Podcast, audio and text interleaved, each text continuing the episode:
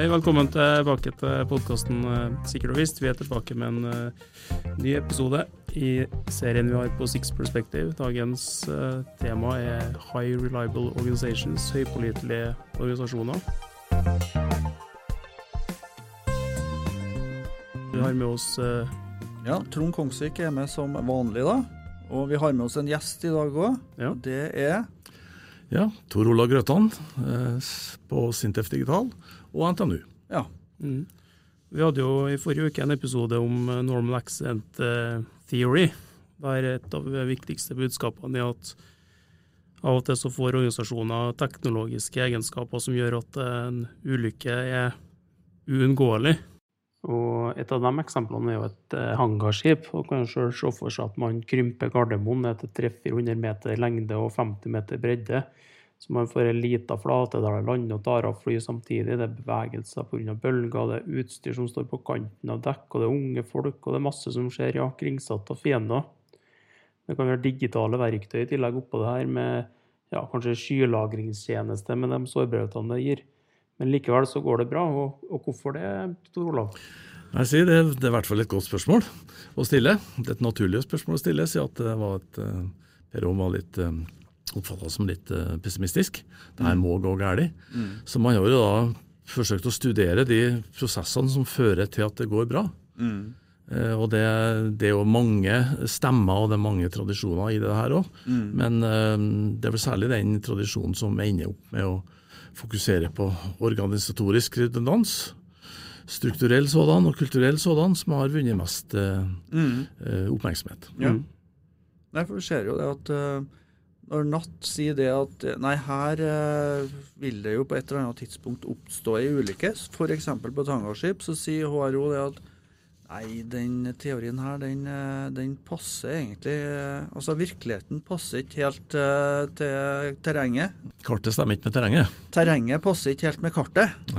Eh, fordi at uh, det viser seg jo det at Sjøl om man på en måte er tett kobla og, og kompleks, så er det faktisk noen typer virksomheter som klarer å unngå ulykker.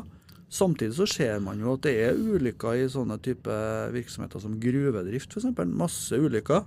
Så at eh, det var en del folk etter hvert som begynte å, å se det at uh, denne normal accident-teorien stemte ikke helt, da. Ikke bestandig, i hvert fall. Nei. Og da var det vel sånn at man ble vel frista til å komme med et lite slagord, da. 'Working in practice, but not in theory'. Ja. Det er jo ganske morsomt selvfølgelig, og artig for en forsker å finne ut at det her, ut at det her, eh, teorien stemmer ikke. Mm. Praksis en annen. Mm. Så begynte man vel etter hvert å se på hvilke egenskaper er det ved sånne høypålitelighetsorganisasjoner er det som eh, gjør at de på en måte klarer å unngå ulykker. Du nevnte jo det her med redundans. Altså det er jo det, med, det betyr jo egentlig overlapp, kan vi kanskje si. Eller til og med overflødighet. Ja, og det handler jo litt om Vi er jo litt tilbake i barriereperspektivet og forsvar i dybden, da, ikke sant? At du har, eh, du har egentlig eh, en overlapp av ikke barrierer, men f.eks. kompetanse. Altså at du har folk som f.eks. på et hangarskip da, som kan de samme tingene. Eh, Men du kan òg ha overlapp i ansvarsområder, at eh, det er flere som har ansvar for samme tingen. Eh, Så det gjør jo på en måte at du kan eh, lettere fange opp små avvik, eh, feil som skjer, som kan utvikle seg til noe, til noe større. da. Og du har bestandig kapasitet til å gjøre noe med det. Du har Ja. litt å gå på. Ja. Slakk er vel for så vidt et begrep vi bruker i den Ja. sammenheng også. Mm. Men så, ja, unnskyld. Nei, jeg bare tenkte å kommentere, for du var inne på at det er litt sånn tilbake til energi-barriereperspektivet. Så tenker jeg at HRO representerer jo litt sånn annet syn enn energi-barriereperspektivet og normal accident theory, som vi, vi har sett på de to siste ukene, i den forstand at man går bort og ser liksom på det her med fravær av ting som leder til feil, til at man ser på nærvær og organisatoriske egenskaper for, for å kunne opprettholde sikkerhet. sikkerhet. Så Mm. det representerer jo et litt nytt perspektiv på sikkerhet, og det er da, sammenlignet med det vi har hatt fokus på Ja, fram til nå i den, den serien her. Så man ser jo kanskje i HRO mer på hvorfor det går bra, som eh, noen, eh, et, et annet perspektiv som vi skal innom òg, gjør. Mm. Istedenfor å se på hvorfor går det galt, hvorfor oppstår ulykker. Og Da blir det en type annen aktivitet i organisasjonen, når man går bort ifra å prøve å ta bort noen ting, Ja. til å prøve å få inn noen ting, Mm. eh, og maksimere kanskje utbyttet av det. Mm. Men vi var, vi var inne på det her med, med organisatorisk redundans eller overlapp. Ja, så var vi inne på det strukturelle, men så var det jo det kulturelle som du nevnte, eh, Tor Olav. Mm. Hva ligger det i det? Ja, F.eks. ligger det i det å ha en kall det kultur, da, gjerne for å utveksle informasjon, Mm. etterprøve beslutninger, rette opp feilaktige handlinger uten å ende opp i en sånn type blame game da, og skylde på hverandre. Ja. Så at man liksom har en eh, ja, gjensidighet, at man eh, passer på hverandre. Mm. Og at man ikke gjør det for å påvise feil, men for å hjelpe. Mm. Og at det er kulturen. Mm. Nei, så, har vi, så det var det ene egenskapen. Organisatorisk redundans. To typer. Eh, men så har vi jo en eh, annen egenskap, det man kalte for spontan rekonfigurering. Litt sånn vanskelig, kronglete eh, ord, men Ja. Um, vi kan jo si litt hva, hva som ligger i det. Altså det. Det handler jo litt om det her hangarskipet igjen, hvis vi tar det som eksempel. da. Så det man observerte i det her hangarskipstudiene, var jo bl.a. det at hvis det oppsto en eller annen farlig situasjon som måtte håndteres med en gang, så ble det her med militær rang på et vis nulla ut. Sånn at man, eh, man Autoritet og den som fikk bestemme, var dem som egentlig kunne sakene. Altså dem som kunne håndtere den situasjonen som oppsto akkurat der og da. Så da Det er jo litt sånn spennende, egentlig. En sånn strengt militær, hierarkisk organisasjon, så ser man det at hvis det skjer et eller annet farlig, så nuller man faktisk ut det. Altså at man klarer å snu om på organisasjonen på en sånn måte at man faktisk òg får til å håndtere denne type situasjoner ganske kjapt. da. Ja. Og det er jo én ting å si at man skal gjøre det, og noe annet å gjøre det og leve med det. Sånn at eh, Det er jo ikke vanlig, heller ikke i en militær sammenheng, at en menig ber en oberst å gå ha deg bort. Nei. Ikke stå i veien. Ja. Uh, men uh, i hvert fall i teorien så, så er jo det som kan skje, her, fordi at man, man har en, en respekt for kunnskap, og man er sensitiv til hva som foregår Ja. uh, akkurat her og nå. Og Der peker vel på en veldig sånn sentral egenskap ved NHRO, HRO, den evnen man har til å tilpasse seg til den situasjonen man står oppe i. og Da kan man velge å bryte opp de organisatoriske strukturene for, for å nettopp få til det. Ja. Det er klart det gjenstår noen få ekle spørsmål for så vidt om, om når er en sånn, inntreffer en sånn situasjon. Hvem er det som bestemmer at en sånn situasjon det vi har, og når er den ferdig? Ja. Men eh, det er jo sånne ting sånn, Jeg holdt på å si detaljer, men det er jo viktige detaljer. Ja. Men eh, det kan vi ikke gå inn på nå. Nei. Nei, og så er det den tredje egenskapen da, som, eh, eh, som det finnes noe veldig sånn godt norsk ord for. da, eh, Mindfulness. Og det er noen som blir veldig sånn småkvalm av det ordet, for det er litt sånn eh, det, det er veldig mye, my brukt eh, i forskjellige sammenhenger. Fort inn i en alternativ verden, ja. Men det handler jo sånn egentlig om det at man er oppmerksomt til stede. Altså det er vel, eh, det er vel en, måte en, en norsk måte å si det på, i hvert fall. da. Ja. Uh, og i sånn sikkerhetssammenheng så handler det jo kanskje om at man er oppmerksom på uventa hendelser. Trenger ikke å være store hendelser heller, for så vidt, men at det kan være mindre avvik som eventuelt på sikt kan føre til noe, til noe større, da, også, som gjør at man kan egentlig stoppe hendelser da, for faktiske ulykker skjer. da. Ja. Så, Så kommer jo for så vidt begrepet sensemaking inn også, i, å, i det å prøve å forstå hva det her kan bli. Men jeg forbinder jo ofte HRO med, med en definisjon som Vaik har. Jeg lurer på om man egentlig blander litt mindfulness og HRO når man kommer med det. Man snakker om fem sånn egenskaper eller elementer ved en organisasjon som skaper en eh, HRO. det de ligner jo litt på det du, du har sagt nå, Trond, med organisatorisk redundans og rekonfigurering, men kan jo gå gjennom de femmene, kanskje. Ja. Det, nummer én er jo det med at man har et kontinuerlig fokus på feil i, i stedet for uh, suksess. Og Sånn at organisasjonen skal på en måte være på jakt etter både tydelige og, og svake signaler på feil, og oppdage og reagere på dem. Mm. Bare for å legge til at Det er jo egentlig ikke noe mot det. høres egentlig litt paradoksalt ut at man skal være opptatt av hva som går bra, og dermed opptatt av feil. Mm. Men det er jo ikke noen motsetning. Det at man er opptatt av at det skal gå bra, betyr at man også må være oppmerksom på feil. Mm. Og hva de kan utvikle seg til. Mm. Mm. Så er det sånn at hvis man er god denne uka, så er det ikke gitt at man er god i, god i neste uke. Nei. Så man må ikke bli Nei. hvil på laurbærene. Mm. Og punkt to, det er en motvilje til å, til å forenkle. Og argumentet der for at det er en viktig egenskap, er jo at forenkling fort gjør at man mister viktig informasjon. Man får blindspot, blind spot, blindsoner, Mm. som man ikke, ikke ser. Mm. Eh, og prøve å unngå det gjennom fornying og revidering, jobbrotasjoner, så det kommer nye folk inn og kan se ting på nye måter. Mm. eh, er jo blant de egenskapene Vark nevner for å, for å skape en sånn eh, egenskap. Ja. Og så er det punkt tre, det er oppmerksomhet på det, på det operative. Og ha fokus på det, det som skjer i den skarpe enden. For det er jo der feilhandlinger eller tekniske svikt skjer, men samtidig at man skal klare å ha et større bilde på operasjonene som pågår for øyeblikket. Da, så ikke blir sneversynt på det som foregår, men klare å opprettholde det store, store bildet. Mm. Og så har de to til. da. Punkt, eh, punkt fire det handler om det de kaller for forpliktelse til resilience. Vi skal komme tilbake til hva vi legger i resilience i en senere episode, men vi kan vel kanskje kalle det for motstandsdyktighet kanskje i den sammenhengen her. Mm. Du nikker, Tor Olav, så tenker jeg at det, det er rett. Det er jo du som er eksperten her på resilience. Ja. Eh, og Det går jo nettopp på det som vi har snakka om, med å håndtere overraskelser og, og tilpasse seg til det som, eh, det som skjer. Og Den femte egenskapen er det her med respekt for ekspertise, har de kalt det. da. Eh, litt sånn snedig begrep, egentlig, men det handler jo egentlig om å støtte seg på den ekspertisen og erfaringa som finnes på skarp ende. Så det er jo litt tilbake til den rekonfigureringa vi snakker om. Ja. at Realkompetanse, kanskje. Ja, kalle det, eller, Det er også et det, Mm. begrep. Så det er jo en Vaik er kanskje en egen gren innenfor HRO som eh, definerer det Ja. på den måten her. da. De kalte jo 'Managing the, Unex- the Unexpected', eh, to av de bøkene som kom bak oss. Mm. For, og, og fokuserer jo si, eh, Legger vekt på at det, det handler om å, om å adressere det uventa. Men HRO er vel for så vidt i den HRO-tilnærminga vi har snakka om i starten her, den er jo litt bredere enn som så. Mm. mm.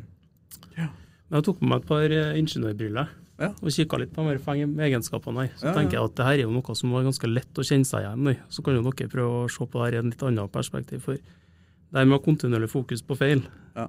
eh, det er jo noe de fleste virksomheter allerede har på plass gjennom rapporteringssystemer, forskjellige indikatorsystemer.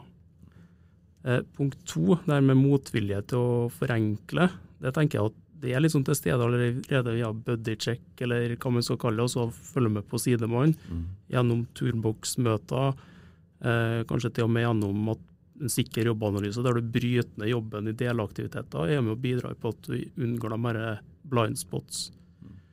Eh, det tredje er med å fokus på det operasjonelle, det er jo ikke minst gjennom sikkerhetsinspeksjoner. Vil du få til det gjennom revisjoner, alle typer møtearenaer egentlig, med ledergruppe og operativt personell.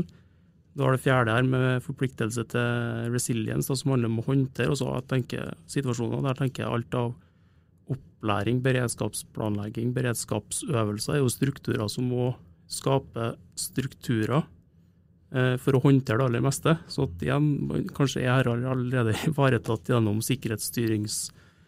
sikkerhetsstyringssystemet. Og jeg tenker også litt det siste her med punkt fem, respekt for ekspertise. Eh, bruk realkompetansen på skarp ende.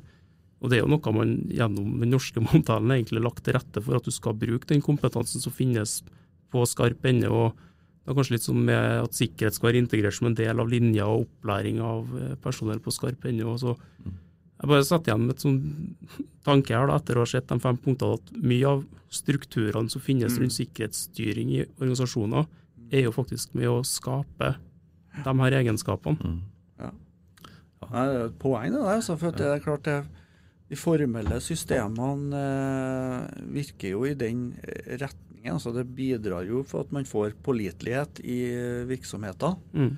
Eh, og så er det jo selvfølgelig sånn som du var inne på i sted, at eh, det her er jo på en måte ikke gjort en gang for alle. Altså en, eh, en bedrift er jo på en måte ikke eh, en konstant størrelse. Ting er jo på en måte i forandring hele tida. Og da kommer jo og kanskje det her er mer uformelle sidene ved virksomheten. Kultur er jo et ord på Mm. det, eh, inn som, eh, som aktuelt og relevant. da. Mm. Um, så så sjøl om man så, så er det jo kanskje lett for òg at man kan bli litt for sjølsikker, kanskje, hvis man mener at man har alle systemene på plass, og mener at det er godt nok. Mm. Eh, men så kan man samtidig være i en ganske sånn usikker sone allikevel. Ja, det er jo det som er faren. Det er klart, det her er en, en, De fleste kjenner seg igjen. Det er ikke sånn at HRO er noe genuint nytt som oppstår som et svar til normal accident. og, og de fleste av tingene her er jo på en måte sunn fornuft. Ja. Eh, og, men det er selvfølgelig et spørsmål om du kan være opptatt av feil, men er du opptatt av de riktige feilene? Eh, Mm. Du har uh, laga en struktur, men har du den riktige strukturen? Eh, det å stille seg de spørsmålene hele veien er også selvfølgelig Mm. nødvendig. da. Mm. Eh, og, og som Vike og Sutcliffe da, er opptatt av. Altså det uventa. Eh, det er en annen Og da går de for så vidt tilbake, eller de er, eh, refererer litt til den opprinnelige utfordringa fra Wildavsky i, i 1988, som, sa, som, som lanserte begrepet resilience som en slags sånn intellektuell og instrumentell motvekt til en form for besettelse av prediksjon. Rundt, eh, for da var, da var det atomkraftverk og sånn type systemer som, som ble laga. Man var veldig opptatt av, av å antisipere, av å predikere. Men, men, men som de sier, at, at eh, det å håndtere en situasjon, en uventa situasjon, krever et helt annet mindset enn det å eh, tenke seg at det kan skje. Mm. Mm. Mm. Så, du, det, det, så, så jeg tenker at, at særlig den unexpected dimensjonen er viktig å ta med seg. At da krever det kanskje noe annet enn det du har forberedt deg på. Mm. Både for å forutse og for å håndtere, da. Ja, Ja. ja. Fins HRO-er i virkeligheten? Ja. Altså, det her er jo en, eh, et perspektiv, en eh, teori. Eh, Det er jo dem som har leta, men de har ikke nødvendigvis funnet. det har jo vært noe sånn kritikk selvfølgelig også, da, mot HRO-teorien. og Én en type kritikk har jo gått i retning av at eh, de studiene som på en måte har danna basis for dette perspektivet, er jo typisk sånn type militærvirksomheter eller noe som ligner på det. da. Mm. Og det er ikke sikkert at alle, alle ting som skjer, kommer fram. Det kan hende at det ulykker og skader der også som kanskje man ja, Ikke- absolutt. blir med i regnskapet. Ja. eh, Som kanskje andre ville ha tatt med i regnskapet hvis det ikke har vært en militær kontekst. Ja. Så har de jo selvfølgelig ressurser eh, og budsjetter eh, og muligheter som, som Mm. de fleste andre ikke har. Det som kommer fram i rapporten, ser jeg, det er jo at altså spesielt det med det at man kan omstille seg kjapt, altså det her med spontan rekonfigurering, det kjenner man jo igjen f.eks. på en oljeplattform. Hvis, eh, hvis eh, alarmen går, eh, så endrer moduset i, på plattformen seg umiddelbart. Altså det blir en helt annen chain of command, skal jeg til å si. Et helt annen måte å agere på enn når man er i normal drift. Sånn at eh, det ligner jo kanskje Ja, man kjenner seg i hvert fall igjen når det gjelder spontan Ja. rekonfigurering. Da. Mm. Det blir jo noe annet enn når vi tusler ut av kontorene etter brannalarm. Ja, det blir det. Nei, og så tenker jeg også at uh, Hvis en ser på forskjellige typer industrier, f.eks. luftfart, uh, har jo blitt betegna som en sånn ultrasikkerhet-type industri. Og, og dem, eh, der kjenner man jo kanskje òg igjen en del trekk da, fra, som trekkes fram i HRO. Ja. Det med at man er stadig opptatt av små feil og små avvik, og man har jo et fantastisk godt rapporteringssystem, f.eks. Uh, sånn at det, det finnes nok eksempel, tenker jeg. Eh, Absolutt. eh, men så er det jo sånn som jeg har vært inne på, at det her er på en måte ikke gitt en gang for alle. Det her er jo på en måte i stadig utvikling, stadig endring. Ja, ikke sånn at de aller fleste organisasjoner vil kjenne seg igjen i om ikke alle egenskapene ved en HRO, så ganske mange av dem i hvert fall. Mm. Så er det jo sånn at en HRO kan bli sin egen verste fiende òg, når, når ting går bra. Mm. Så kommer det jo fram at denne redundansen den koster jo. Mm. Og da blir jo selvfølgelig spørsmålet trenger vi det her. Mm. Eh, og Det er jo det evige dilemmaet Mm. eh, rundt sikkerhet, men det blir kanskje ekstra presserende da, Mm. eh, for en HRO som har, som har sagt at vi skal få til det her, men vi trenger ressursene, og så får vi til det. Ja. Og så skjer det ingenting farlig, og så kommer spørsmålet ja, trenger vi det virkelig. Nei, men da har vi vært gjennom en god del av egenskapene ved, ved HRO og forklart hvorfor det her perspektivet har, eh, har kommet til sin, eh, til sin rett. Um, Vi kommer til å ha fokus på noe mye av det samme i en senere episode om uh, resilience, som helt klart er beslekta med det her. Ja, ja. Det, jeg vet ikke om man kan gå så langt å si at det nesten er en sånn avgreining av Det er i hvert fall litt i samme, i samme strømningen, da. Ja. Men legg litt vekt på litt andre ting. Det går an å si det at eh, det her perspektivet har jo det til felles med resil- resilience-perspektivet at man fokuserer ikke på ulykker, Ja. men man Ja. fokuserer på hvorfor det går bra. Ja. Og resilience er jo en del av RO-perspektivet til Martin Sutcliffe. Ja. Eh, Men, men vi kan gå over til et eh, resilience-perspektiv som har en litt annet utgangspunkt, og som definerer litt annerledes, mm. og har et litt annet sted det opererer, Mm. som er et sosioteknisk system. Mm. Takk for oss, og Tor Olav. Ikke for å nåles.